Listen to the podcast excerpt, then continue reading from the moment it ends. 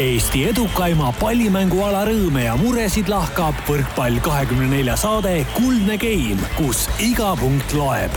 taustajõuna hoiab mängul hoogus ees Kredit kakskümmend neli tere hommikust, päevast, õhtust või kogunisti ilusat ööd, millal iganes te meid kuulate, head võrkpallisõbrad kuldse game'i uut osa oleme lindistamas neljandal detsembril kell üheksa null null ja nagu meil siin eelmises saates kombeks sai, siis alustame ka täna saadet rekordi püstitusega. sest minu kallis kaassaatejuht Rivo Vesik lõi Asko Esna nädalataguse rekordi kahekordselt üle. nimelt oli Rivo täna valmis eetrisse minema juba kaks tundi kokkulepitust varem ehk kell seitse hommikul. Venemaal Anapas treeninglaagris viibiv Rivo, kes on praeguseks hetkeks venelastega juba kenasti hommikust treeningut asunud tegema, palus kõiki kuulajaid tervitada ja ütles, et Anapas oli eile näiteks külmemgi kui meil siin Eestis. ühtlasi jagas ta ka ühe huvitava loo ning ütles, et Anapa rannahallis, kus Venemaa koondislased neil päevil trenni teevad, on selline tore ventilatsioonisüsteem, mis olevat lisaks liivatolmule enda sisse imenud ka kogu sooja õhu seda, kuhu soe õhk kadus ja kas Rivol kõike näinud mehena õnnestus soojust tagasi halli meelitada, meie ei tea, küll aga teame me seda, et Rivol on üdini soe süda ja seda ei tõmba tema seest välja ka Rivo teismeea lemmikseriaalist Teletupsudest tuntud tolmuimeja. aga et enne saate lõppu jõuaks ka saatekülalisteni, siis mul on au öelda tere tulemast kahele inimesele, kel on Eesti võrkpallielus erilised rollid. mul on hea meel näha enda vastas istumas Eesti parimat võrkpallifotograafi ja harrastusvõrkpallurit Kertud Alataret ning Eesti istevõrkpallikoondise kaptenit Margus Oopi, tere tulemast. Tere. tere. kas sissejuhatus oli õige? ma ei paneks endale tiitlit Eesti istevõrkpallikoondise kapten, aga meil on olemas selline haavatute kaitseväelaste võistkond ja seal olen seda kapteni rolli küll pidanud selge, no teeme alustuseks siis selgeks, kuna Gertrud, sina oled ju ka istevõrkpalliga seotud siin meil Eestis olnud. Äh, mida see istevõrkpall endast tähendab, kas see, kui meie siin täna istume kolmekesi laua taga ja paneks võrgu vahele, olekski juba istevõrkpall või päris nii lihtne see ei ole? põhimõtteliselt äh, saab küll, et äh, muidugi sina, Karl, jääksid kohe miinusesse, sa oled üksinda, eks ju, et me Gertrudiga saame omavahel. mul on hea serv noh, aga me saame servi ka blokkida, Eesti võrkpallis saab äh, servi blokkida, et kui sina servid, me võime käed püsti tõsta. ja kui sa vastu meie plokki lööd ja pall maha kukub sinu poole, siis ongi punkt meil ja kuna sa oled üksinda, siis suure tõenäosusega nii juhtubki. ma hakkan juba tänast saadet kaotama, õnneks seda võrku ikkagi meil vahel ei ole, aga ma tegelikult tean, ma olen näinud seda mängu, me oleme küll ise mänginud, et seda mängitakse siis nii-öelda samamoodi saalis aga teil on siis võrk on äh, suhteliselt madalal, kui madalal see võrk on, te teate neid numbreid isegi umbes või? meestel on see meeter viisteist ja naistel on see meeter äh, viis. ja selline segavõistkondade vahel on see meeter kümme, on ja. sellised ähm, rahvusvahelised normid. ja piirid on?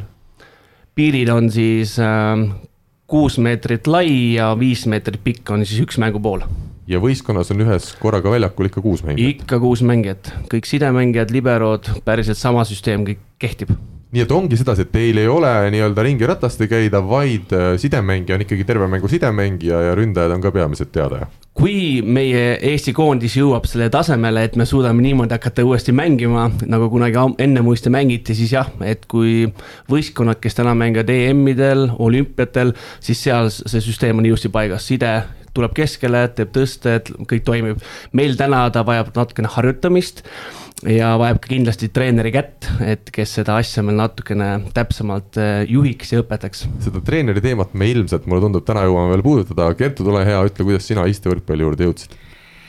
no eelkõige tänu oma tööle Eesti Paralümpiakomitees äh, oli vaja minna teha natukene nii-öelda reklaammaterjali pildi-video näol ja siis ma nende trenni jõudsin ja vaatasin, et ah, et see ju on, noh, mis siin rasket ikka on.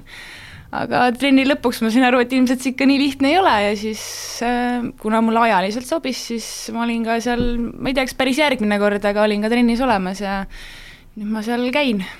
kuidas sinul, Margus, lood on? Mm, aasta oli äkki kaks tuhat kuusteist, ähm, Eesti haavatud kaitseväelased hakkasid minema Invictus mängudele, mis toimusid tol aastal USA-s, Orlandos ja me tahtsime välja panna ühte võistkonnaala. ja võistkonnaala pakuti välja Kaia Kollo poolt, et istevõrkpalli võiks teha, tema teadis meest nimega Ivar Liiv. ja Ivar tuli meile appi, õpetas selliseid algtõdesi, me tegime natukene mõned mängud, mõned trennid ja juba olime seal innitusmängudel seal läks ta natukene, ei läinud nii positiivselt, saime, saime kätte kuidas öelda siis õpikogemused.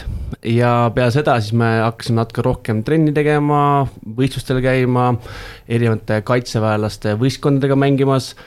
Ja selline väga suur positiivne emotsioon oli meil loomulikult kaks tuhat kaheksateist, kui me olime Sydneys mäng, Invictus mängudel.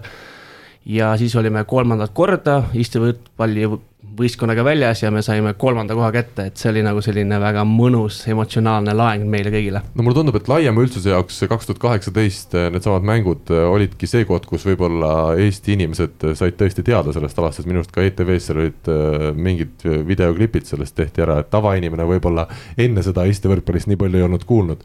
kas võib öelda, et see, see kolmas koht kuidagi ka Eesti Eesti võrkpallile on andnud nagu uut indu või jõudu juurde, on, on inimesi tulnud teie juurde, öelnud, et tahaks ka kaasa lüüa, on see midagi muutnud?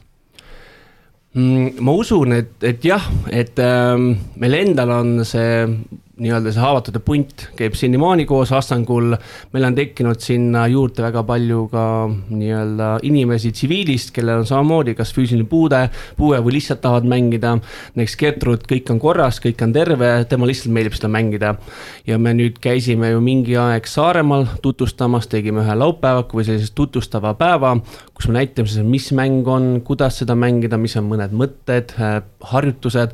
ja seal oli väga tore kohata inimest äh, nimega ka Birgitit, kes on mänginud päriselt üle kolmekümne aasta ja täna lihtsalt on äh, jõudnud sellesse punkti, kus siis füüsiline pool, noh, põlved ikka nagu võrkpalluritel on põlved läbi, seal natukene mõned vigad veel, siis ta väga enam hüpata, joosta ei saa, istus maha ja ütles, et vau wow,, see on ju nii tore mäng minu jaoks, et ja päriselt selliseid inimesi me ka nagu ootame, otsime trennidesse, kes äh, on kunagi mänginud täna lihtsalt seda hüppamist, kargamist ei, ei taha enam või ei saa teha, siis istevõrkpall on väga-väga hea nagu selline alternatiivne lahendus.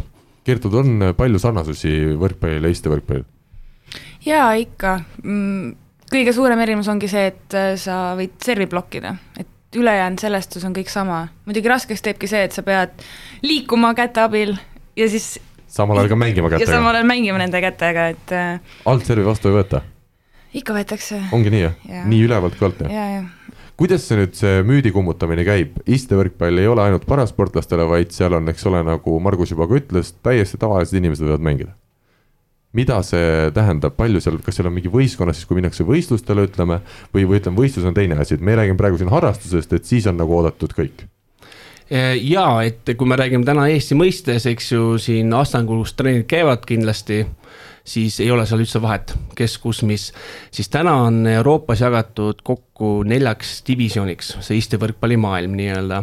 ja D-divisjon, mis on kõige madalam, absoluutselt kõik võivad mängida, ka C-divisjonis võivad täna kõik mängida ja alates siis B-st tulevad sisse nii-öelda kategoriseerimised, et sul peab olema mingi füüsiline vigastus, mingi tervislik mure, mis siis sul ei luba mängida nii-öelda päris või ütleme, õiget võrkpalli või seda püsti võrkpalli.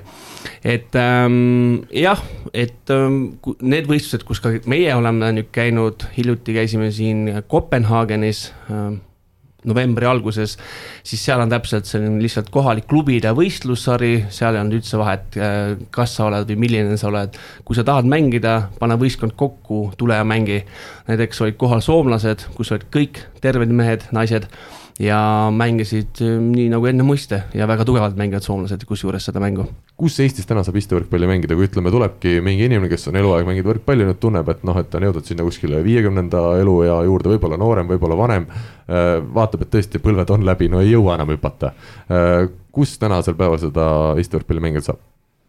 meil on siis kolmapäeviti toimub Astangul Tallinnas kella seitsmest poole üheksani on äh, trennmängud.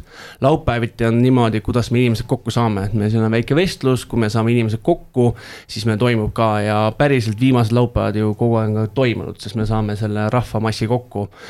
Nüüd uuel aastal on plaan, et siin see nädala-kahe jooksul püüame välja saata siis erinevatesse Eesti paikadesse, kus meil on sellised tugevad võrkpallikantsid, ütleme niimoodi saadan välja info, et uuel aastal tahaksime alustada jaanuarist kuni maikuuni selline istevõrkpalli laupäevakud, kus me tuleme kohale. Nendesse erinevatesse kohtadesse, kust tuleb ka vastukaja, et äh, tuleme tutvustama seda mängu. Ja selline suurem ambitsioonikam plaan on, et suvel teha ka rannaistevõrkpalli ja siis kaks tuhat kakskümmend sügisest kuni kaks tuhat kakskümmend üks mai välja mängida siis nende erinevate kantside peal veel nii-öelda karikas välja, Eesti istevõrkpalli karikas välja mängida. Ja need mõtted on täna just paberile saanud, nüüd siin selle nädala jooksul me saadame välja erinevatesse kohtadesse info ja kui me saame ka vastukaja, mis me usume, et on see täiesti võimalik ja, ja see huvi on olemas, sest see huvigrupid on olemas, need nii noored, vanad. Ähm, ja kui me saame vastukaja kätte, siis me tuleme kohale, lepime kuupäevad kokku, tuleme kohale ja näitame mängu. sellega süstime nii-öelda seda seemet mulda ja kui sügisest on nagu kõik jõudnud natuke rohkem trenni teha, siis hakkame selle karikasarjaga pihta. Vahele küsimus, kas olümpial, paraolümpial istuvõrkpall on, ei ole? on. ja juba ammusest aegadest? nüüd ei oskagi täpselt ajalooliselt öelda, aga kindlasti on ta üheksakümmend kaks olnud ja, ja üheksakümmend kuus Atlantas näiteks meie Eesti võistkond ju äh, viim- äh,, neil oli siis teha viimane mäng mm, Rootsi vastu kaotati kolm-kaks Rootsile ja Rootsi läks võitjana edasi siis Atlanta olümpiamängudele. Ehk siis nibin-nabin jäi nagu ka Eesti võistkonnal, Eesti võrkpallivõistkonnal jäi puudu paraolümpiale minekuks. kui reaalne šanss on nüüd, et Eesti koondis sinna lähiajal võiks oma võistkonnaga pääseda, kas hetkel on see kandepind ikkagi liiga väike või te usute, et see võiks olla realistlik siin millalgi äh,? mina, mina olen realistlik ja optimistlik inimene, et äh, ma usun, et kui me saame need laupäevakud ilusti käima, mängime ka karikasarja ära, siis selle eelduse põhjal äkki tekib meil kas nii-öelda see treener juurde ja kui on meil ikka selline teadja treener olemas, siis mina täna ei näe ühtegi takistust, miks me ei peaks olema olümpial, mis meil järgmine on, kaks tuhat kakskümmend neli. Et jah, ma, mina, mina ei näe seda muret, miks mitte Gertrud, äh, sina oled ikkagi naisterahvas, kuidas on, kui tulevad, ma saan aru, segavõistkonnad on seal, eks ole. nii, mingi mees on seal üle võrgu selgelt oma käega, kui vaatame, üks null viis on segavõistkondadel see võrk. lööb täiega, sa oled seal kaitses kahe meetri peal, valus ei ole või? Mu pigem mu esimene mõte oli see, et kui ma praegusel hetkel lähen kuhugi näiteks turniirile, kus on mehed-naised segamini, siis mehed ei tohi naisele plokki hüpata, aga seal ei ole seda ja siis mu esimene küsimus seal trennis oli, et kas mees tohib naisele plokki panna. aga ei, otseselt hirmu ei ole, ma noh, võrkpall nagu võrkpall ikka, et ma selles suhtes äh, ei karda ka niisama väga meeste vastu mängida, kui just noh, ma ei tea, võib-olla kui Ardo Kreek mulle sealt kahe meetri peale lööks palli, siis see oleks võib-olla hirmus. no ma loodan, et Ardo seda saadet kuulab ja tulevikus, kui ta peaks Gertrudi vastu suuri mänge mängima, et siis proovi teisele poole lüüa need pallid. aga tuleme Eesti siis äh, istevõrkpalli juurde, ma saan aru, et meil see ajalugu tegelikult on täiesti olemas, lihtsalt siin on mingid väiksed pausid sisse jäänud. kas teil on nüüd info olemas, mis ajast Eestis siis istevõrkpalli mängitakse?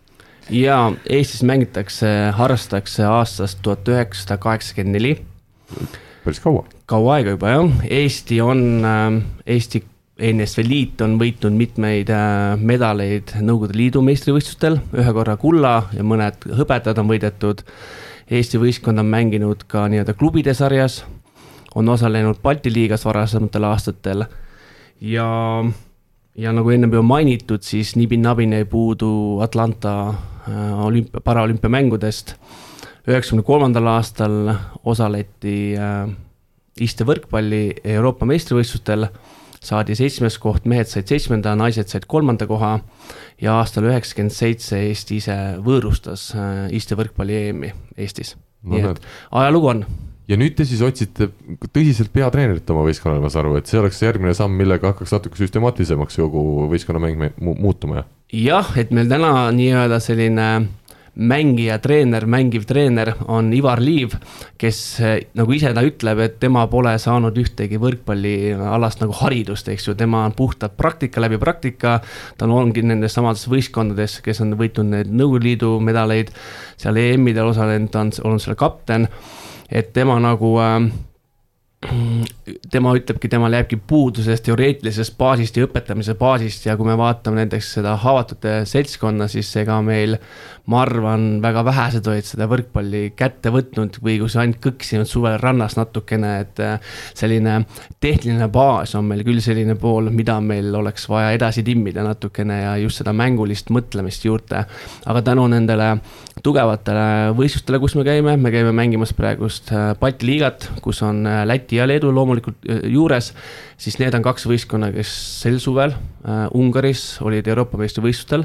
Läti, kui ma õigesti mäletan, saavutas seal seitsmenda koha, nii et tänu nendega mängides meil lihtsalt praktiliselt lüüakse see mängupilt nagu selgemaks, et kuidas võiks ja peaks ja mängu toimuma. et kui meil oleks treener juures Äh, siis me kindlasti mängupilt paraneks veelgi. no ma usun küll, sa tõid väga hea selle sõna mängiv treener. meil on rahvaliigas, mina mängin võrkpalli rahvaliigat, nagu kuulajad ilmselt juba kahjuks teavad. ja meil on seal nii, et meil ei ole treenerit, kuna noh, ütleme ausalt, ega rahvaliiga punti nüüd väga keegi juhendada ei taha, meil on küll see treeningutel osaleb äh, Raul Reiter, annab meile trenne. väga suurepärane treener, aga noh, mängudele ta paratamatult ei, ei jõua, kuna meil on veel see kaks võistkonda ka. siis meil on mängudes nii, et kõik mehed seletavad, kõik on seal enda arust kõige targemad mehed, kõik teavad täpselt, mis on valesti, üldiselt on kõik valesti muide, loomulikult. ja, ja siis kõik seletavad ja me üldiselt sa lähed hea tujuga sinna mängule siis mängu ajal on meeletu masendus kõigil peal. üldiselt me kaotame kõik mängud ja pärast siis on jälle sõbrad edasi, et meil on selline huvitav äh, süsteem, aga nagu ma ütlesin, me kaotame enamus mänge, et ma saan täitsa aru, et kui teil, teil on kindlasti palju parem see mängiv treener kui meil see kogu punt, kes on kõik mängivad treenerid, aga et see peatreener annaks ilmselt ikka juurde ja me ise oleme ka hästi tajunud olukordi, et kui mingi mänguline olukord on peal, eks ju, sa ei mõtle ju selle peale, et vaataks seisu või võtaks väikse time out'i või seletaks mingi olukorra läbi, eks ju, et. et see on just selline koht, mis meil nagu oleks, et keegi oleks kõrval ja vaataks seda just mängu olukorda, vaataks seisu, ütleks, op, poisid, teeme väikse time out'i. räägime läbi, ütleme nüüd teeme selle liigutuse või tõstame sinna kohta ja teeme selle kindla punkti ära, eks ju, et äh, vahepeal me ise saame aru, et seda on nagu vaja, eks ju, et kui me mängime natukene võib-olla lihtsamaid mänge või võistlusi, ma mängin näiteks Kopenhaagenis, seal olid kaks kolmikku olid väga tugevad, ülekalt kõik nagu meie taseme inimesed, siis seal me seda, nende, kelle, kes on meie enda tasemega, siis seal me väga ei, ei, ei näe, et seda vaja on, aga justkui tuleb sellised tugevad vastased sisse, kellega selline nibin-nabin mäng hakkab olema. Näiteks Kanada võistkonnaga oli seal mingi hetk oli nibin-nabin, et siis oligi, et oleks olnud vaja seda natukene tarkust rohkem seda platsi servas, kes ütleks, et poisid stopp, teeme nii, tõstame sinna, lööme sinna, lükkame sinna, vaadake seda kohta. et seda tarkust platsi äärest oleks kindlasti vaja juurde, jah võrkpalli entusiast, kui nüüd seda kuulab, siis ma saan aru, üleskutse on see, et endast märku anda, kes on, ütleme, tõsiselt võrkpalli sees olnud ja tunneb, et võiks kuidagi rakendada oma jõude ja teadmisi. jaa, kindlasti, et äh, kindlasti Ivar Liiv on ka inimene, kes, kes teab inimesi ja keda ka treenerid nagu teavad.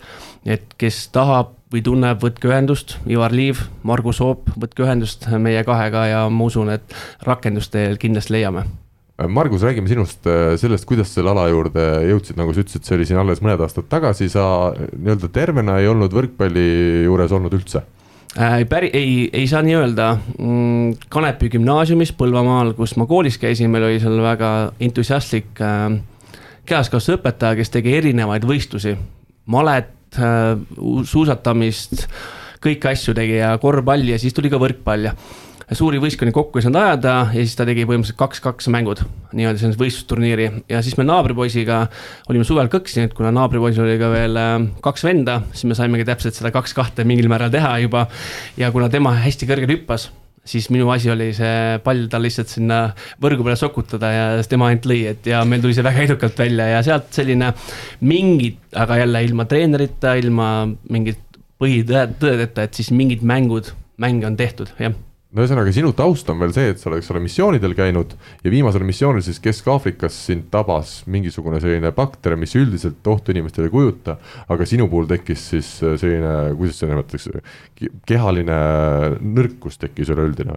jah, et äh, see, mis minuga juhtus, on siis üks saja tuhandest arstide ähm, äh, professionaalsel nõul või teadmistel, et ähm, ta pühkis puhtaks närvisüsteemis peal oleva müeliinikihi ja see automaatselt tekitab selle, et särts ei jõua lihastesse ja ei ole jõudu siis tõsta, liigutada, astuda ja see oli mul üle terve keha. et käed kõik liikusid, aga lihtsalt jõudu ei olnud, et äh, hoida, tõsta, astuda mis aastal see juhtus sul? see oli kaks tuhat neliteist. no täna, viis aastat hiljem, sa tulid siia stuudiosse ja mina küll aru ei saa, et sa kuidagi teistmoodi oleks kui keegi teine, kas see tähendab, et sul on aja jooksul ikkagi niivõrd palju see paremaks läinud? Ja no tänu headele füsio, füsiodele Eesti erinevates paikades, Tallinnas, Tartus, Haapsalus, siis äh, nemad on asja ilusti käima lükanud ja täna ikkagi mured on, aga jah, nad ei ole enam nii suured, väljapaistvad, kui nad olid äkki mul aasta-kaks tagasi, eks ju, et, äh, et kindlasti ja loomulikult paremaks läinud. ütle päris ausalt, kuidas selles kõiges nii-öelda tugevaks jääda, kui sa said teada, et sul selline asi on juhtunud? Ega tol hetkel ju on ainult kaks mõtet peas, vähemalt minul oli kaks mõtet peas, et kas edasi minna või siis edasi minna, et. et mul ei olnudki nagu seda nurka viskamist teemat ei olnudki ja ma võtsin seda kui äh,. mingi aja jooksul ma võtsin seda kui väikest pausi nagu ülek elust, kust äh, tööl ei pidanud käima, sest ma olin haiglas, eks ju. ja ma, minul avanes päriselt üldse teistsugune pilt Eestist, eks ju, et äh, kui palju muredega inimesi meil äh, erinevates siis taasturaviasutustes on ja, ja. ma lihtsalt tegelesin seal iseendaga ja mul oli vaja seal trenni teha, sain raamatut lugeda, sai asju uurida ja see oli minu jaoks nagu selline hea puhke aasta päriselt, väike vaheaasta nii-öelda aga sa said siis kohe arstidelt kinnituse, et jah, sellest võib siin ühesõnaga aja jooksul see läheb paremaks, kui näha vaeva ja teha tööd? ja et äh, mingit otsest ravi selle haiguse puhul nagu ei ole, et äh, seal ongi, et füsioteraapiaga kohe pihta alustada. kuna kaitsevägi oli selja taga olemas, siis ma sain sellega kohe alustada ja väga pikalt ja põhjalikult teha ja Eestis on väga palju häid asutusi ja inimesi, kes seda oskavad sind suunata ja sind väga hästi motiveeri-, motiveerida ka sa ütlesid, sa oled äh, tänu sellele haigusele, kui või nii võib öelda, saanud nii-öelda Eestit nägema natukene teise nurga alt, äh, kuivõrd palju on, ütleme, inimesi hädas. kas see on su ennast, sind ennast kui inimest ka muutnud, äh, sinu harjumusi, sinu käitumist, sinu elu, olles nüüd näinud siis elu ka teise nurga alt mm,? ma ma ütleks, et võib-olla Margus kui selline oleks väga muutunud, eks ju, võib-olla Marguse mõtlemine on natukene muutunud ja kindlasti Margus nüüd äh, väga paljudele pisiasjadele või pseudomuredele vaatab, et pff, see ei ole mingi teema ju, noh, teeme ära, tehtud, eks ju. või siis, kui ongi väga suur mure, siis, siis saab ka aru, et see on nagu päris mure, et, et võib-olla see on nagu muutunud, kui võib-olla aastaid tagasi selline kõige väike asi tundus kogu aeg selline, et oh, see peab kohe ära tegema, kui seda ei tee ära, siis kõik maailm kukub kokku. täna pigem vaatad niimoodi, et ah ei, see on see on pseudo, et teeme ära ja kuna saame ja ongi tehtud, eks ju, et. et ei, võib-olla pisiasjadele nii väga tähelepanu enam ei pööra. Mm, et sa oskad elust rohkem tegelikult äh, nii-öelda rõõmu tunda ja nautida? ma usun küll, jah. Gertrud, äh, palju sina kõrvalt neid inimesi näinud oled, kes selle alaga tegelevad, äh, on sulle ka midagi seda südamesse jäänud või, või tunned sa, et, et ütleme, see punt on lahe või? absoluutselt, see punt on lahe, aga ütleme selle kolmveerand aastaga, mis ma nii-öelda selles elus nii-öelda sees olen olnud, siis äh, ma ei, ma näiteks ei saa neile öelda, et nad on puuetega inimesed, sest nad ei ole, sest nad teevad kõike, nad saavad kõike teha. Ja, ja noh, seda kõrvalt nähes sa saad aru, et nagu noh, sa saad kõike teha, et selles suhtes, et äh, ongi täpselt needsamad need pisiasjad, millest Margus rääkis, et äh, noh, kõrvalt vaadates ma saan ka aru, et mingid asjad on pisiasjad ja et kui keegi ütleb, et noh, ma ei tea, ta ei saa trenni minna, sest näiteks vihma sajab, siis noh, see ei ole enam nagu minu jaoks nii-öelda aktsepteeritav põhjus, on ju, et. jah, äh, Margus, sa täna töötad siis kaitseväes veel nii-öelda põhikohaga või? jaa, kaheksast viieni pluss õppused, pluss mõned ekstra liigutused, jah ja istevõrkpall ongi selline hobi siis? Äh, ja, ja et inimesel peab hobi olema ja kuna äh, mu suur hobi, mis mul ennem vigastusest oli, rahvatants, seda täna sellisel määral teha ei saa, et siis peab inimene peab endale uue hobi leidma ja istevõrk sobib ideaalselt.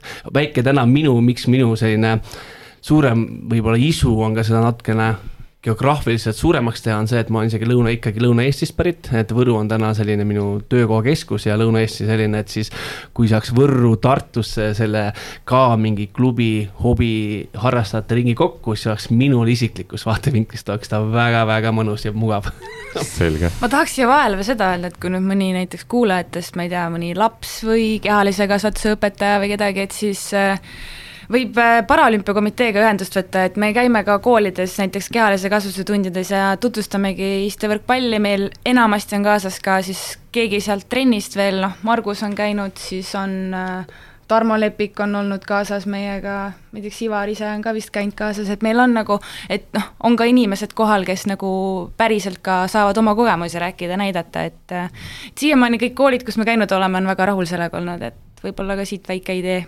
Minu küsimus nüüd mina olen selline spordihing, tahan hirmsasti, et trenni lõpus oleks ikkagi särk-märk, kas särgi saab märjaks trenni lõpuks?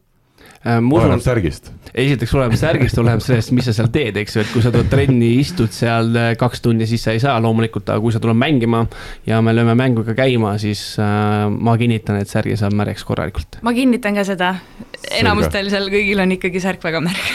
väga hea, selle teadmisega on hea minna saate teise osa juurde küsimusmängu toetaja on teamshield.com oma disainiga spordi ja vaba aja riided.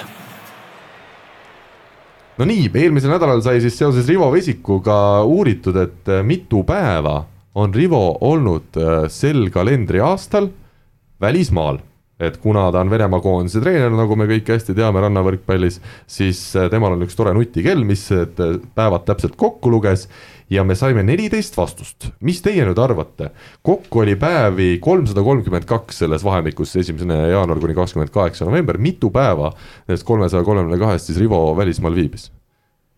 kakssada üheksakümmend kaheksa. nii. sada seitsekümmend kolm. vot, legend, ma ütlen, Margus on legend siia vahele. Õige vastus oli sada kaheksakümmend kolm ehk siis Rivo vist natukene pettis sellega ära, ta ütles, et, et talle endalegi ootamatult oli neid päevi palju. ja, ja noh, kui me mõtlemegi, et üle poolte päevadest ta oligi välismaal, siis see on suur number, aga siin enamus vastajaid jah, pakkusid üle kahesaja ja isiklikult ma mainiks ära mehe nimega Andre Erm kes pakkus kolmsada kolmkümmend kaks päeva, ehk siis kõik, kõik need päevad, mis olid, olid Rivo välismaal. kuigi kui juba natuke loogikat kasutada, siis tegelikult ju ma arvan, et ka Andrei ise naljaninana sai aru, et kui ta siin stuudios meil käis päris palju, siis ta ilmselt välismaal päris kõiki päevi olla ei saanud. Meil oli neliteist vastajat ja siin ma tooks välja veel ühe nime, Aare Alba, kui ei eksi, siis peaks olema tegu saarlasega, kes lähenes praktiliselt äh, sellele vastusele ja, ja pani siis nii-öelda tavatöö, tööinimese tööpäevad kokku ja andis veel Rivole kaks nädalat rohkem puhata ja tema sai kakssada viiskümmend kaheksa päeva sedasi. ja teine tema lähenemine oli siis teaduspõhine lähenemine ma ei jõua seda kogu teksti siin ette lugeda, aga igatahes äh, ta luges siis meie saated kokku, vaatas mitmest Rivo puudus, mitmest ta oli nii-öelda kohal, arvutas protsendi välja komakohad seejuures pole olulised, ta lisas ja, ja siis äh, ta sai kokku äh, teise vastuse kakssada nelikümmend üheksa päeva. ja kokku ta siis äh, pani kahe vastuse keskmise, sai kakssada viiskümmend kolm, aga see vastus oli siis seitsmekümne päevaga vale ja kõige lähemal vastaja on meil siis täna ka särgivõitja Priit Tammesoo, tema pakkus sada üheksakümmend kaks päeva ja see on siis kõige lähemal, ainult üheksa päevaga pani mööda ja õige vastuse eest siis või kõige lähemale vastamise eest saab siis Priit Tammesoo meil võrkpalli kahekümne nelja legendide spordis särgi. Ja uue nädala küsimus on meil järgmine. Milliste tuntud õdede vastu on Gertrud noorteklassides mänginud? väga lihtne küsimus. Äh,, ei anna ühtegi vihjet juurde ainuke vihje on see, et info, et võrkpall kas-, võrkpall kakskümmend neli punkt ee ja võrkpall kahekümne nelja Facebooki lehe sõnumid on need kohad, kuhu saab selle vastuse saata, olgu ta siis õige või vale. ja meil polegi siin muud, kui minna edasi järgmise teema juurde.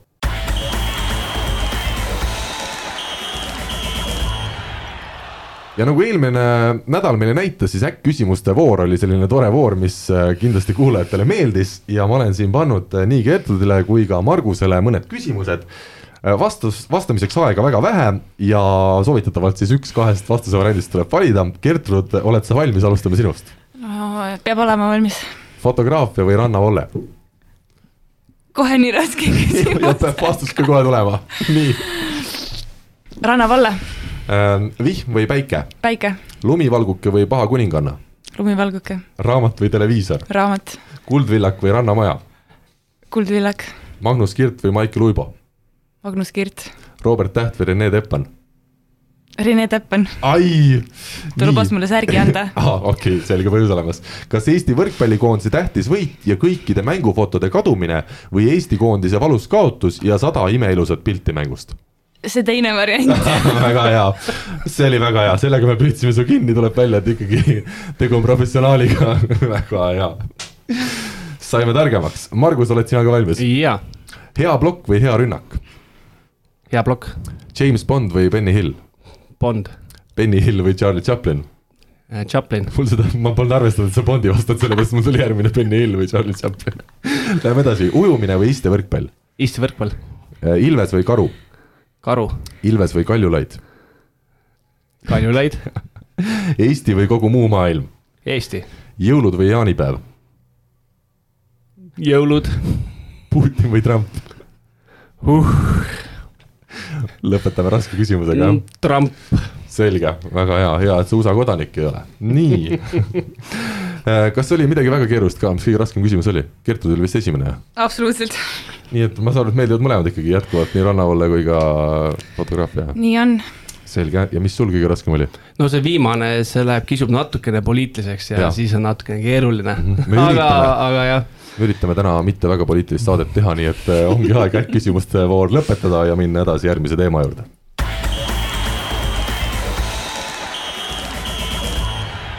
nii, tuleme spordifotograafia juurde ja et eh, Gertrud siin üksinda rääkima ei peaks, siis ütle, Margus, kui tähtis on sportlase jaoks, kui tulevad head fotod mängust?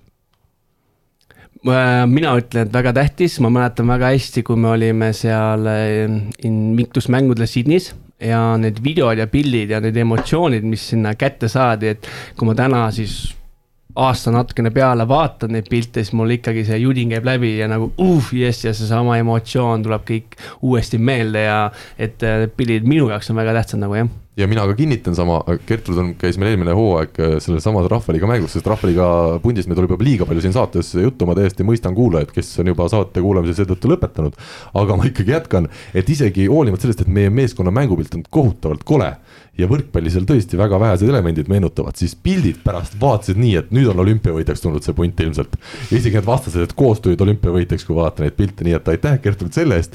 ja ma küsin, mis on kõige raskem spordifotograafi jaoks, võrkpallifotograafi jaoks? Ma arvan, et ühelt poolt on kindlasti kohavalik, et eh, noh, nagu ka võrkpallis, eks ole No, kaitsemängus, nii. et noh, ei ole mõtet nagu nii-öelda kõiki pilte selja tagant teha, on ju, et samas äh, sa, et sa pead saama ka selle õige nurga, et sa saad liigutuse kätte, et noh, kõik selles, ma arvan, et kohavalik on see. kas äh, minu see teooria vastab tõele, et kuna võrkpallis see liigutus üldiselt see mängumoment on hästi lühike võrreldes mõne teise pallimängualaga. et siis on ka ütleme pilte teha raskem kui näiteks jalgpallis ja korvpallis, kus mäng nii-öelda kestab pikemat aega, et võrkpallis enamjaolt on see, et öö, punkt saab läbi ja siis on see, kui jälle tullakse kokku ja, ja keegi läheb servima, et see vahepealne periood on pikem. su teooria on üsna õige, jah. jah, nii et, nii et ta ei ole kerge ala pigem ei ole, pluss siis äh, kui ongi niisugused mingid äh, erilisemad elemendid, näiteks ma olen juba rääkinud sellest liblika püüdmisest, on ju, et noh, esiteks see on niisugune asi, mida sul ei tule, seda ilusat ei tule sul väga palju mängus. Ja siis, kui sa ei ole valmis sel hetkel, siis oota veel, ma ei tea, mitu kuud või aasta või millal sul tuleb see uus võimalus, et nii et neid hetki ongi, et sa lähed mängult kohe koju, sa vaatasid, näed, kaks sekundit varem mul oli kaamera käes ja ma oleks saanud hea asja pildile, aga näed, jäin hiljaks natuke, jah. neid ikka on olnud, jah. selge äh,. millal sina, ütleme, võrkpalli pildistama hakkasid rohkem? kas see on nagu ajaga kaasas käinud kuskilt nooruspõlvest saati või? Ei ole tegelikult, sest ma alustasin üldse ju jalgpalli juures. nii, meil on jälle aeg äh, välja lõigata mõned kohad siit saatest, aga läheme edasi. nii. aga siis mingi hetk äh, mul tekkis ikkagi huvi, kui ma olin suur Selveri fänn kunagi ja mitte siis Selveri kui toiduketi, vaid selle võrkpallivõistkonna. ja, ja Kristjan Õuekallas oli sellel hetkel mu suur lemmik seal võistkonnas ja nad mängisid minu arust mingit äkki euromängu Kalevi spordihallis ja siis ma kuskilt sealtkaudu hakkasin, kirjutasin kellelegi, ma tean, Martin Tooming oli sellel hetkel üks inimene Võrkpalliliidus ja tema aitas mu nii-öelda mängule sinna ja siis see oli, ma arvan, mu esimene mäng, mida ma võrkpallis pildistamas käisin, noh, niisugune nii-öelda, mitte siis Rahvaliiga mäng, on ju. no kuule, võrkpall, see Rahvaliigas on veel nagu me rääkisime, veel raskem on neid, ei, ei tegelikult ma ei ütle midagi. igalt Ja- poolt saab teha pilte. ja siis äh, sellel hetkel ma sellest väga palju ei käinud rohkem, aga ma arvan, et äkki suurem nii-öelda võrkpallikoormus tuli äkki aastal mingi kaks tuhat viisteist, kuusteist äkki või? aga kui sa käisid nüüd seal Kalevi spordihallis seda nii-öelda esimest mängu tõsisemalt pildistamas, kui sa täna vaatad tagasi neid pilte, kas need on ammu kustutatud või need kannatab ikkagi vaadata veel? Ähm, kustutatud ei ole, aga ma arvan, et nad on võib-olla olnud mõne kõvakätte peal, mis on katki läinud, et mis on äh, katki löödud ja visatud, ma arvan pigem. Sellest ajalugu vaikib aga noh, ma ütleme niimoodi, ma mäletan nii palju, et see ikka oli raske, sellel hetkel Mhm. oli ikka raske, et äh, just siis, et ma tean seda mängu ja neid liigutusi kõike, aga ikkagi see õige pilt ja kätte saada sealt ei olnud nagu üldse nii lihtne, et ja Vana Kalevi hallis ei olnud ka väga hea valgus. ja, ja pluss seal oli, jäi sealt külm isegi suvel. jah, okei okay., sa ütlesid, et kohavalik on tähtis, mis see tähendab, kus siis tuleb seista? kus need paremad kohad on? Noh, muidugi terve mängu jooksul kõige parem on, kui sa vahetad neid kohti, aga, aga näiteks äh, üks mu lemmikhalle praegusel hetkel Eestis on äh, Tartu see uus, sest seal esiteks sa saad üleval ääre peal olla, ehk sa saad nagu löögipilte paremini teha. Siis noh, põhiliselt, kus mina ongi, on, on siis ülevalt, kui võimalus on, siis on ühest otsast, külje pealt, noh, ütleme selles suhtes nagu niisugune, et hästi palju annab juurde, kas siis äh, ülevalt poolt või madalamalt pildistas, et see on nagu ka muu tarkus, et äh, on öeldud, et äh, nii-öelda vaata uue nurga alt. ja see on juba midagi teistsugust, silm ei ole harjunud sellega, sa juba vaatadki, et koo, väga äge, et rannavolles on nagu hea olnud kasutada seda, et sa lähedki sinna posti juurde ja sa teedki hästi madalalt ja see juba tekitab inimestes selle tooni äge pilt, et tegelikult võib-olla ei ole midagi nii erilist aga lihtsalt, aga nad ei ole harjunud nägema seda. seda küll, kas rannavõrkpalli on eriti keeruline pildistada, kuna sa kunagi ei tea, mis ilm on? no ilm on jah, omaette teema selle juures, aga muidu ma arvan, et äh, ütleme just selle elementide püüdmise poolest on rannavolle parem, lihtsam, sest seal tuleb neid äh, momente rohkem, kus keegi hüppab palli järgi ja liiva lendab ja et seal on nagu need elemendid juures, mis annavad nagu juurde sellele. kas liiva võib vahele minna või vett fotoaparaadile? Niisuguses väikses koguses kindlasti. et üle nii-öelda ämbrisse ei pane õhtul vee sisse ligunema? ei, niisugust pesu ta ei vaja, jah. selge äh,. nii, mina olen nüüd see fotograaf, kes, kellel isegi vahel läheb sassi, kui telefonist üritad seda fotonuppi või videonuppu, need lähevad ka sassi vahel. aga ütleme nüüd, kes on minust natuke tõsisem inimene ja ütleme, tahaks ka hakata häid pilte tegema võrkpallist ja siiani on vaadanud, et väga välja ei tule. mis on nüüd need sellised tehnilised nüansid, mida sina siin soovitaksid või oskaksid nõu anda, võib-olla asjad, millest mina ei saa arugi, kui sa praegu rääkima hakkad? jah, üldiselt kui keegi mu käest küsib mingit sihukest asja, ma hakkan tehnilist juttu rääkima, siis mind vaadatakse sihukese näoga, et parem ära räägi sellel teemal, aga noh, inimesed, kes fotograafiat sellest teavad, siis noh, kõige olulisem on, et äh, kiire säri oleks, ehk siis äh, mis asi? kiire säri, säriaeg, ehk kiire siis säri, äh, põhimõtteliselt ongi, et ta jäädvustab selle pildi näiteks üks tuhandik sekundist. ehk siis sa selle, sellega sa saad selle kiire palju ta muidu jäädvustab? kuidas sa sätid? nii palju telefonil mul umbes võib olla ma arvan, et niisugune mingi traditsiooniline võib olla niisugune üks sajale, üks kahesajale, kuskil sealkandis, ma arvan. selge, kes on nüüd parim Eesti võrkpallur, kellest on kõige paremaid pilte alati sul teada, et näed, kogumikus sellest vennast ma saan alati hea pildi? ma pean siin ütlema ikka oma lemmikmängija, et Gert Toobal ilmselt. ongi nii, jah? Kas see on nüüd sellest seonduvalt, et ta on su lemmikmängija, sa ainult teda jälgidki mängude ajal või? sidemängijat on lihtsam pildistada. just, ma tahtsin küsida, et kas positsioonide järgi ongi täiesti nii, jah? no tema liigutused selles suhtes on aeglasemad, et ta ei tee selle käe. ära nii, issand mm,. ma seletan, ma seletan. ta ei, ta ei tee seda kiiret käega liigutust oma näo eest, vaid ta nagu selles suhtes, ta ongi ilusti, ta nii-öelda on nagu otse vaatab kaamerasse kui ma õige poole peal olen. poseerib ilusti kohe fotograafile, jah? Ja.. see on vaata veel lisa, on ju. nii et Gert võid edasi kuulata, ei ole häda midagi, nii aeglane veel ei ole. Äh, kuidas ründajate pildistamisega on, on siin ka nagu sul eelistusi, keda on lihtsam, kellel on see löögiliutus võib-olla nii kole või kuidagi selline küünarnuki alt, et, et, et ei tahagi väga pilte teha temast? ei, sihukest ei ole, pigem on see, et on konkreetsed mängijad, keda on lihtsam jälgida, sest sa tead, et nad saavad rohkem tõsteid, on ju, et, et see nagu teeb ütleme ründajate poolest lihtsamaks. et temporündaja, see on ikka selline, et kui saad ühe löögipildi mängu jooksul, siis see on juba saavutus, jah? Pigem, pigem on temporündajate puhul see, et pluss on see ka, et nad on nagu võrgu keskel, et siis sealt on võib-olla nii-öelda asukoha suhtes on ka natuke raskem saada pildile neid. nii et temporündajad äh,, pole ime, et neist vähem pilte on jah ja.? et siis teed rohkem emotsioonipilte neist, et midagi ikka neist ka saaks? jaa, et siis võib-olla ongi, et temporündajad peaksid rohkem emotsiooni välja näitama, et. õige aga kas sa jälgid, ütleme, kui sa nüüd võtad selle asendi sisse, pallivahetus algab, kas sa jälgid konkreetselt ühte mängijat või sa jälgid seda palli kulgu? Ikka mängijad pigem, sest et äh, kui ma hakkaksin palli jälgima, siis ma lihtsalt äh, liigutaksin ennast seal segaseks. nii et sel juhul sul oleks hea, et Gerdiga lepid näiteks enne mängu algust kokku, et näed, esimene tõste läheb temposse, teine läheb sinna nurka, kolmas läheb diagonaalile ja neljas läheb tagaliini, et siis sa oskad nagu jälgida kõike. ja see oleks nagu väga hea, et. aga Gert ei ole veel vastu tulnud sellele pakkumisele või mõttele? ma ei ole talle seda veel niimoodi suutnud välja nagu pakkuda, et serveerida ja et nagu see on kindlasti üks asi, mida tuleb tulevikus teha. aga võib-olla vaata nüüd ta kuuleb siin, et see on niisugune hea plaan, et võib-olla tuleb kaasa sellega. sa käisid kevadel äh, meistrite liiga otsustavaid mänge pildistamas, kuidas see kõik tõeks sai? Äh, nagu ma olen öelnud, siis suur tänu Hanno Pevkurile selle eest, et tema ikkagi hästi palju aitas just sealt äh, Sevi poole pealt, et ma sinna saaks. Ja lõpuks siis tuli mulle lihtsalt meil postkasti, et äh, kas ma tahaksin olla üks ametlikest fotograafidest, sest minu esialgne mõte oli lihtsalt sinna akrediteeringut saada, sest see ei pruugi ka sellisele üritusele nagu lihtne olla.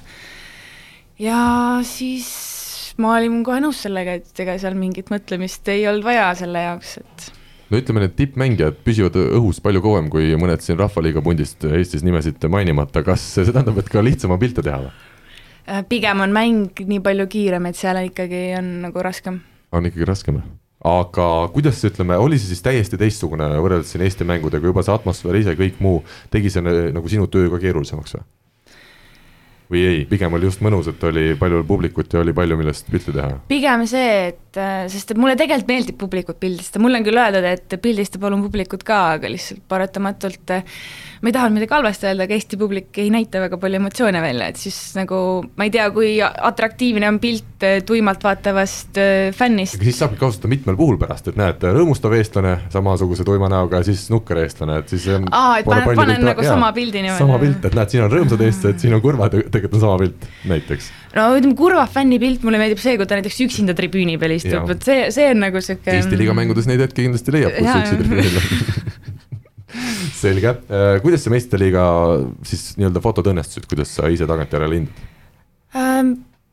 ma ise olen üsna rahul, seal oli, andis, noh, mulle meeldib üldiselt esma emotsiooni rohkem püüda isegi kohati. Ja seal oli mul see võimalus, et nii kui mäng läbi sai, siis ma sain väljaku peale minna ehk siis ma sain sinna mängijate keskele, ma sain seda emotsiooni paremini ja nagu vahetumalt, et kui ma kuskil seal selle porte taga seisan ja suure objektiiviga teen, et tead, üks küsimus, meeste jalgpallis on nüüd naispeakohtunikud tulnud siin viimastel aegadel ka esile ja mulle tundub, et mehed on justkui naistega sedasi soliidsemad, nad päris nii kurjaks ei lähe. kas fotograafil on ka midagi sarnast tunda, et äh, kui sa oled, äh, ütleme, naisterahvas äh, ja palud mingil hetkel näiteks mingit fotot või asja, siis tullakse nagu lihtsamini vastu kui mingi seitsmekümne nelja aastane võib-olla vanem meesfotograaf, kes, kes võib-olla teeb ka pilte?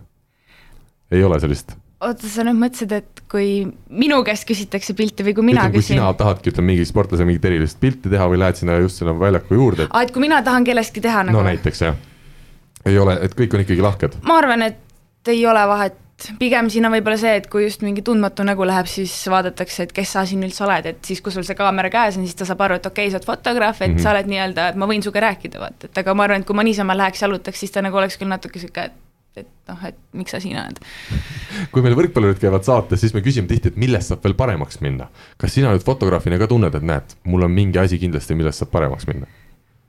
kindlasti on, äh, no ütleme, lihtsam on kindlasti varustust juurde hankida, et et see on üks asi, milles ma arvan, saab paremaks minna, kuigi samas ma ei tunne hetkel puudust otseselt, et et oleks, et võrkpalli juures on see pluss, et kõik on lähedal, et kui ma lähen jalgpalliväljakule, siis seal on nagu, kui teisel pool väljakul midagi toimub, siis on natuke raskem. kas sul on endal mingi lemmik võrkpallifotograaf ka kujunenud maailmas välja, oskad sa kedagi nime tuua, et kui võrkpallisõber tahab häid pilte näha, et keda peaks vaatama? peale Gertrud Alatare ma isegi otseselt ei tea nii palju neid võrkpallifotograafe, aga kui ma nüüd seal Berliinis olin, siis äh, minuga nii-öelda minu kaastöötaja, siis teine fotograaf oli ka naisterahvas ja tema pildid mulle näiteks meeldivad. ja ta teeb teistmoodi siis kui sina mingil, mingis mõttes või? Mm, tal on äh, natuke teistmoodi käekiri kindlasti, et äh, ma arvan, et igal fotograafil on mingi asi omamoodi, et näiteks ma tean, et mingi hetk vaatasin kuskil pilte, ütlesin emale, et näed, see minu pilt, siis ta küsis, kuidas, kuidas sa nagu tead, et aga noh, ma, ma tunnen ise ära just selle, ma ei pruugi mäletada seda pilti kui olukorda, aga ma saan nagu aru. stiil, jah? Sa ütlesid, sa teed jalgpallist ka siiani pilte? jalgpalli pigem on vähe. aga ütleme nüüd, mis selle jalgpalli jälle pildistamise eriliseks teeb või teistsuguseks, on seal ka mingid erilised nüansid? noh, seal sa pead olema selles suhtes väga kannatlik, et et väravaid tuleb selles suhtes vähem, on ju, et sa tahad seda väravat peale saada, seda väravalöögi hetke, seda tähistamist hiljem, ehk siis sa pead selles suhtes olema nagu kogu aeg valmis ja seal on see, et kui sul on kaks enam-vähem võrdset võistkonda, siis äh, sa pead kõigepealt, alustad sellest, et otsustad, et kuhu värava taha sa lähed, on ju. kas on juhtunud, sa paned üki-kaki kommi-nommi ja siis selle järgi saad teada, kummale poole sa täna esimesel poolel lähed? Äh, ma olen küll seisnud selle, et äh, näiteks niisugused suuremad mängud, kus tehakse alguses ka need võistkonnapildid seal, on ju, siis sa oled seal väljaku keskel mul on olnud küll see, et ma seisan seal mingi mõned sekundid, mõtlen, kuhu poole ma nüüd lähen. aga ma ei oska öelda, mille järgi see otsus on tulnud, ma lihtsalt lõpuks olen läinud ühele poole, et äh,. kui siis värav lüüakse teisele poole, mis siis juhtub, kas sa siis kaugelt ikkagi mingit fotot saad kätte?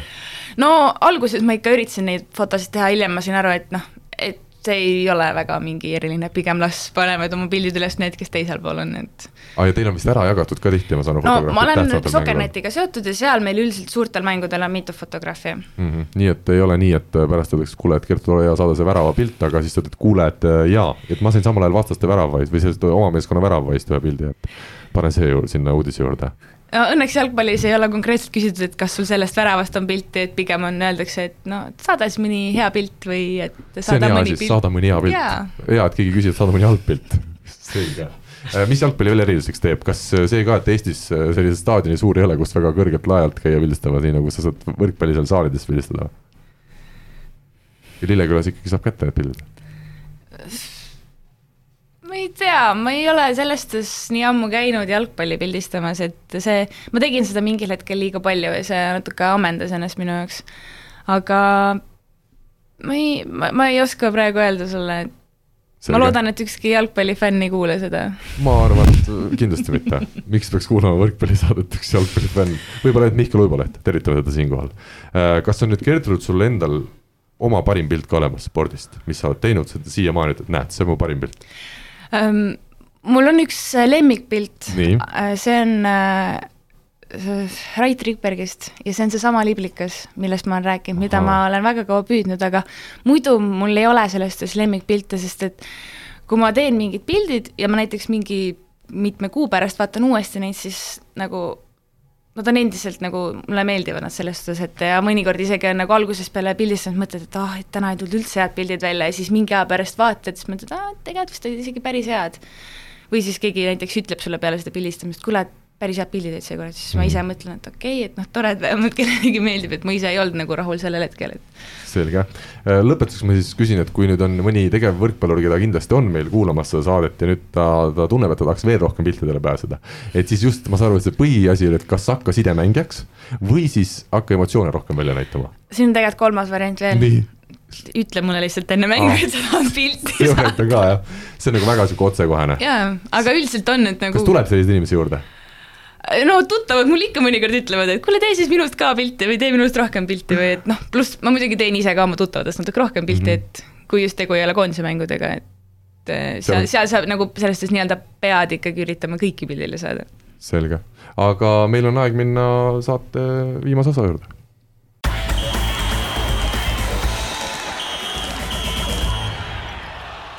nii teemasid me väga konkreetselt täna ei puuduta, küll aga ma hakkan siit niipidi pihta, Margus, sa oled siin saanud äh, vaikida, öeldakse, et vaikimine on kuld, kas sa nüüd siin viimase viieteist minuti jooksul tundsid, et vaikimine tõesti on kuld? mina ma... ei ole sellest aru saanud ausalt öeldes. Kusjuures äh, oma elu jooksul mulle on seda väga palju öeldud, aga ma pole ka ise veel tajunud seda, et mulle meeldib ikkagi rääkida, kuigi üks-kaks inimest on öelnud, et ma olen ka väga hea kuulaja mina kusjuures ütlen, et raadiosaadet ongi raske teha, kui kolm väga head kuulajat on stuudios, et siis ilmselt väga häid saateid ei, ei pruugi sündida. olen nõus. Äh, nii, mis äh, võrkpalli tasandil jälgija sina oled, äh, palju sa võrkpalli vastu nii-öelda oma tegevuste väliselt huvi tunned? Ähm, kui Saaremaa mängib, siis Saaremaa klubi mänge ikkagi panen kas arvuti käima või siis ka kaksteist panen käima ja neid mänge ikka vaatan. miks just Saaremaa? Saaremaaga meil on sellised mõnusad koostöömomendid olnud, et me käime haavatud kaitseväelastega, käime Saaremaal Orissaares trenni tegemas ja üks aasta oli terve võistkond kohal. tutvustasime neile ka natuke selle mängu, saime esimesed punktid kätte, meie saime. Äh, edasi ei räägi, kuidas edasi läks ja siis see suvi olid äh, kaks esindajat oli kohal, kellega mängiti natukene, rääkisime juttu, kuidas, mismoodi ja, ja et nendega on selline mõnus koostöö meil olnud mingil tasandil, jah mis sulle Saaremaa mängu puhul meeldib või selle meeskonna puhul tänasel päeval äh,? plokk on hea, plokk on hea ja, ja rünnak, rünnakut mängitakse, vähemalt need mängud, mis mina olen nagu näinud, rünnakut mängitakse nagu erinevatest nurkadest, eks, ju, et äh, tehakse tempot tagantliinist äh,, nurkadest, et seda nagu mitmekülgne. hea, mitme, mitmekülgselt jah, jah mm. -hmm. kes su lemmikmängija Saaremaa võistkonnas on hmm,? Äh, äh, Henri Alg Eh, Helar Jalg. sorry jah, Helar Jalg jah. ja Henri Treial on ka, nii et see on täiesti arusaadav viga. ühesõnaga jalg, jalg, jalg, et tema kuidagi, vähemalt kui ma vaatan teda platsi peal, siis tema on selline, tundub, et ta mängib nagu nagu chill'ilt nagu mõnusalt, et ta tuleb, teeb Naudib, oma asjad ära, naudib jah seda, mida ta teeb, et seda on nagu väga tore vaadata. mis sa ennustad, mul hakkab hääl ära minema siin tähtsate küsimuste saabumisel, mis sa ennustad, kes tänavu Eesti meistriks tuleb kevadel? Eesti meistriks äh, Saaremaa. lihtne on jah, siin, kas peab üldse mängima neid mänge või? ei, peab ikka, sest ära. Tartuga on neil kindlasti selline hea pusimine, aga võit läheb Saaremaale. Pärnut sa üldse? ei ei. no vot asjatundja, sest me kõik teame, kuidas Pärnu on hooaega alustanud ja, ja siin asjatundja nägi ära praegu. nii et äh, Aavo keelele ma ütlen, et siin võib-olla juba hakata järgmisele hooajale valmistuma, eks ole. või siis Iste võrkpallitreener. just, absoluutselt, koht on vaba, Aavo nii et kui noh, kindlasti tegemisi on ju Aavol praegu vähe, Pärnu võrkpalliklubi Läti koondis, jahil käimine, kõik muu, see on nii vähe, et siit üks, üks amet juurde ja, ja ma arvan, et hakkab jälle ka rohkem tiitlit, veel rohkem tiitlit tulema, ütleme Aavole. kes tahab nagu, see jõuab ju. no ja nagu me ütlesime, olümpia kaks tuhat kakskümmend neli, natuke võib-olla edasi, et noh. Läti koondisega ilmselt see nii lihtne ei ole, eks ole? ei, kohe kindlasti mitte, neil no. on oma treener olemas ka juba. no vot Gertrud, kui palju sina tänasel päeval just meeste võrkpalli vaatad Eestis? Tulemustega olen ma natuke ilmselt rohkem kursis, kui ma nagu mängudele jõuan. viimati käisin Saaremaa-Tartu mängu siis Tartus vaatamas. kas sa vaadata ka jõuad neid mänge või sa ikka, kui sa fotograafina oled, siis see on nii-öelda professionaalne töö ja sa, sa ei pruugi tähele panna, kuidas see seis seal parasjagu on? no sellele mängule ma ikkagi läksin rohkem selle mõttega, et ma teen vähem pilti, rohkem vaatan, et vist sain sellega enam-vähem hakkama, et tegelikult üldiselt on hästi raske vaadata niisama mm, -hmm. et kui mul kaamerat kaasas ei ole, siis mul kohe sõrmed hakkavad sügelema, et tahaks pilti teha, et nii äge mäng on, et siit saaks nii ägedaid pilte. kuna sul on hästi palju tutvusi võrkpallis, siis muidugi sellele küsimusele on raske vastata, kes sul siis lemmikvõistkond on praegu ähm,?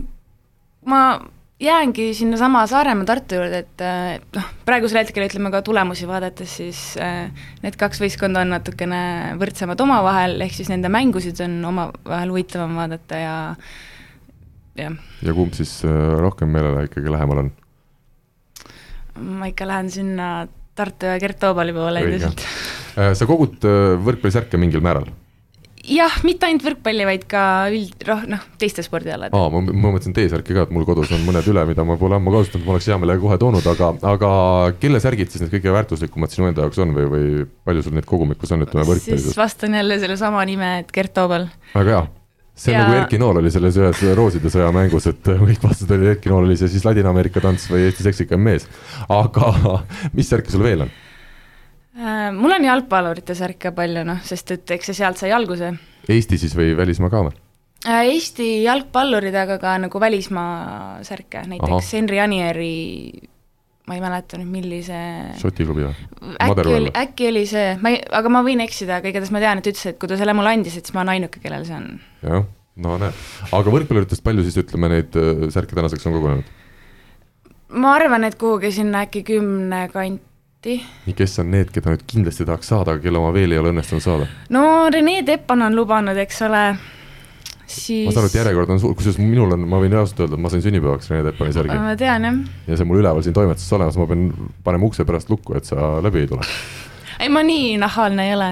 ahah, selge ühesõnaga ikka mõni on veel puudu, selline hea asi kogust. jaa, Robert Tähesärki tahtsime juba kunagi ammu, kui ta Tartus veel mängis, aga siis ta juba ütles mulle sellel hetkel, et tal on kõik ära lubatud, rohkem ma ei ole küsinud, siis ma kujutan ette, et tal on praegu veel pikem järjekord nendele särkidele. no me usume, et selle vahele, ühe, ühe, ühe nime sinna järjekorda vahele saab, Robert kindlasti ka kuulab, nii et ta, ta teab siin üllatada sind mingil hetkel.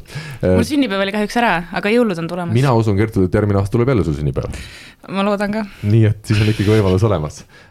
naiste võrkpallist, Gertrud, ma ei tea nüüd, palju selle naiste võrkpalli igapäevaselt jõuad jälgida, aga karikafinaalis väga suure tõenäosusega mängib siis Tartu Ülikool Bigbank TalTech Tradehouse'iga, kõik toetajate nimed olgu ka siin ilusti välja öeldud, et mänedžerid kurjaks ei saa. kas sina usud, et Tartul on võimalus selles finaalis TalTechi vastu, kes nüüd siis tänu Mõnnakmäede ja Mooride ja teiste lisandumisel on ikkagi väga tugevaks muutunud. kõigepealt muidugi ütlen vahele, et ma loodaks ikkagi Neemekut seal finaalis näha, et kui minu koduvõistkond. jah, ja mis see tõenäosus on, paneme see protsendiga paika ma siis äh, lähen äh, sama teed, mis Margus, et ma olen ka nagu optimistlik, et ütleme viiskümmend, viiskümmend. viiskümmend, viiskümmend, väga hea. ennustajatele kindlasti siin panuse võimalus, kui nii head võimalused on esiliiga võistkonnal Eesti parima klubi vastu, aga kui me tuleme tagasi, oletame, et TalTech peaks läbi ime ikkagi finaali pääsema. siis äh, kuidas sa, kuidas sulle tundub, kas see vahe täna meie kahe tugevama naiskonna vahel on, on olemas ja, ja suur või, või on Tartul seal võimalus? ma ei ole näinud nende omavahelist mängu selle TalTech nüüd viimase võits kindlalt. aga ma seisudega olen selles suhtes kursis ja ma arvan, noh, selle põhjal pigem on nagu TalTech see, kes selle võidu võtab, et noh, selles suhtes on aus värk, et eelmine aasta võitis Tartu, see aasta siis las võtab TalTech need võidud. ja TalTech pole ju Eesti meistriks tulnudki, nii et see oleks omaette eriline saavutus, kui nad seda kevadel suudaksid igal juhul. Selge, aga mulle tundub, et äh, saateaeg hakkab vaikselt läbi saama, meil õnnestus alla tunni teha, see on omamoodi rekord, kui me alustame, alustasime saadet täna rekordiga, siis me lõpetame rekordiga. Öelge nüüd, mis on järgmine võistlus, mis on veel äh, istevõrkpallis siin ees ootamas, mis on nagu silme ees ja terendab. Kui nüüd huvilised on, tahavad teada saada, et millal, millal kuskil millegi kaasa saab elada, olgu siis Eestis või välismaal?